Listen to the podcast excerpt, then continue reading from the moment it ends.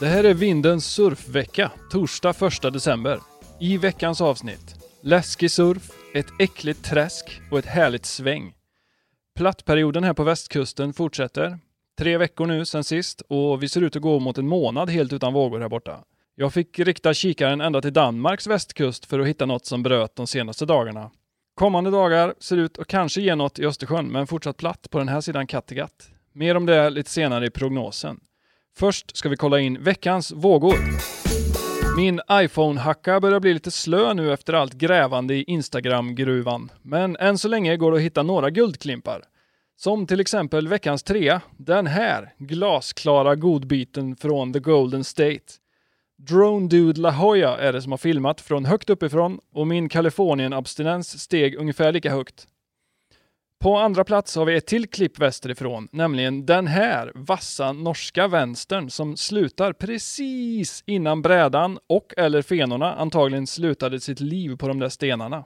Men veckans etta är dock Marocko. Inte bara i fotbolls-VM och på Hawaii utan även med det här klippet, filmat i vad som blivit känt som Jimi Hendrix favoritstad. Det är ju ganska lätt att förstå varför när man ser detta alltså. Vi har en liten bubblare också. Det är det här oväntade och träskiga sättet i en sjö som faktiskt på riktigt heter Alligator Lake. Riktigt mysiga efterdyningar där efter att orkanen Nicole lämnat Florida.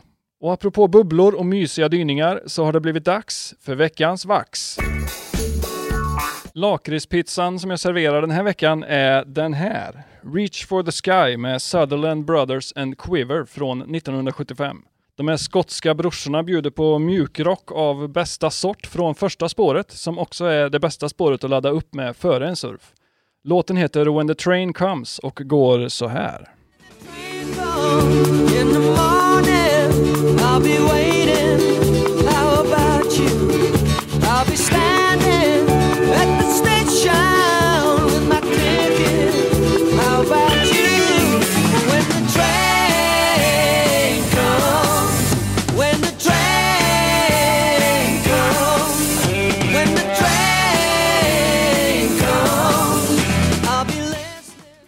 Ja, supersvänget alltså. Om man letar efter en lugnare låt och varvar ner med efter en lång surf så kan jag rekommendera titelspåret från B-sidan, Reach for the Sky.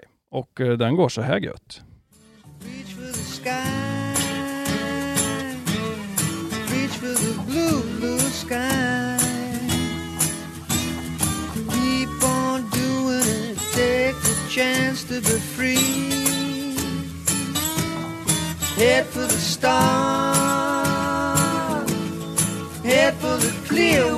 star. Keep on flying and spread your wings in the sea. Ja, riktigt bra alltså. Sutherland Brothers and Quiver alltså. Kolla in den och kolla in spellistan Veckans Vax på Spotify för alla låttips här från programmet. Jag tänkte lämna över ljud och bild för en stund till surfprofessorn för lite surfologi. Varsågod David. Tjena!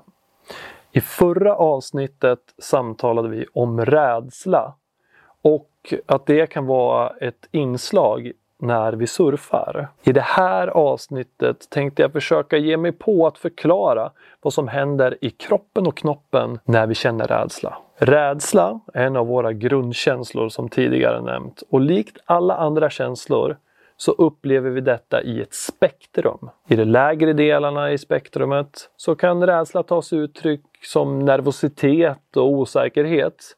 Men i de högre graderna som eh, fullskalig panik och ren och skär skräck. Rädsla är en eh, känslomässig reaktion på reellt hot och vår upplevelse av hot. När vi känner rädsla så aktiveras en struktur i hjärnan som kallas för amygdala. Amygdala kan ses som vårt inre larmsystem som larmar och aktiverar det sympatiska nervsystemet och vår kamp, flykt eller frysrespons. Kampresponsen kan exemplifieras med att vi hamnar i försvarsställning, eller får ett aggressivt utåtriktat beteende för att försvara oss. Eller få en väldigt ensidigt tävlingsinriktande. Du kanske har suttit i, eh, i line-up någon gång och ser ett set som kommer och du får det här drivet att woof, ta dig igenom setet utan att bli spolat. Men också den här flyresponsen.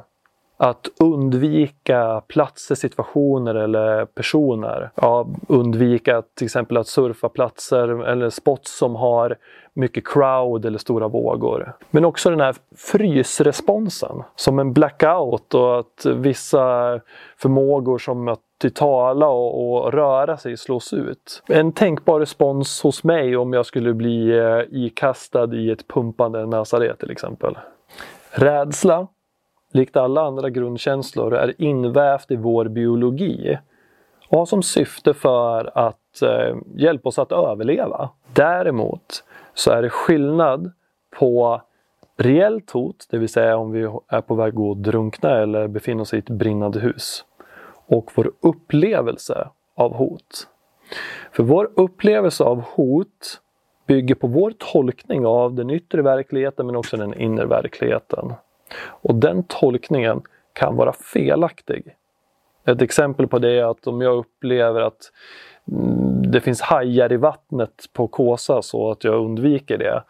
En upplevelse av hot som också är en felaktig tolkning. Eller om jag upplever att ja, de här vågorna kommer dränka mig totalt fast de ändå är bara knähöga. Vår upplevelse av, av hot som aktiverar rädsla kan stå i vägen för vår utveckling i surfet. Det är någonting som kan vara hämmande, någonting som gör att vi undviker. Och det här är någonting som vi kan behöva komma och jobba med för att få progression. Och hur vi samlar mod till att göra det här, att utmana rädsla, tänkte jag försöka ge mig på att tipsa om nästa episod. Fram till dess allt gott och över till dig David. Tack för det David. Det har blivit dags att se vad som har hänt i sportens värld. Ett säkert tecken på att julen närmar sig är ju att tävlingssäsongen på Hawaii rullar igång. Lite annorlunda känsla nu än tidigare år när ju Pipe Masters är en separat tävling och North Shore inleder VSL-säsongen i slutet av januari istället för att avsluta den strax före jul. Ja, rörigt. Men eh, ett stopp som inte förändrats är öppningen i nordkustens entré Haleiwa. Lite oklart om den här tävlingen ingår i Triple Crown eller inte, men swellet är i alla fall på plats och ungefär halva tävlingen är avklarad när detta spelas in. Ganska många roliga namn i startfältet, bland annat Johnny Johnny, Gabriel Medinas syrra och Peter Mells son. Men bäst poäng i hela första rundan fick faktiskt 17-åriga Cheyenne Crawford. Och apropå tidigare nämnda Marocko så blev det även klart att Ramzi Boukayem blev landets första CT-surfare efter 10 år i QS-crunchen. En annan tävling som är framme vid det allra sista steget är ju Surf World League. Förra veckan utsåg ni de två finalisterna som ska göra upp om epitetet det surfigaste som finns. I ena semifinalen möttes Vax och Hang Ten. Två riktiga surfkulturbärare får man väl ändå säga. Den ena helt grundläggande för att kunna stå på brädan och den andra en manöver som de flesta surfare någon gång vill göra på brädan. Segern gick till slut till Hang Ten med 65% av rösterna. I andra semifinalen stod det svårdefinierade och svårstavade uttrycket JU mot hela tävlingens största överraskning och wildcard A-Bay. Det hade ju varit mäktigt om Jokern tog sig hela vägen till final, men Appelviken har ju som bekant ganska slöa vågor och här tog kraften slut. JU visslade sig enkelt vidare med 71% mot 29 för A-Bay.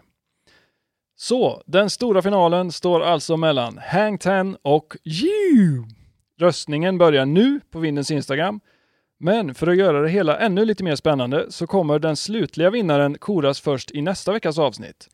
Den finalist som vinner på Instagram tar ledningen med 1-0 och två domare ger sedan varsin röst för att fälla avgörandet. Så missa inte det. Det här var allt från sportens värld vidare till vädret. December rullar igång utan särskilt mycket vågor som rullar in. Eventuellt en liten puff efter helgen nere i sydost. Och kanske, kanske lite mer om en vecka, men det kan ju gå lite hur som helst som bekant. Det här var allt för den här veckan, men vi hörs och ses igen i nästa avsnitt. Tills dess, ha det bra!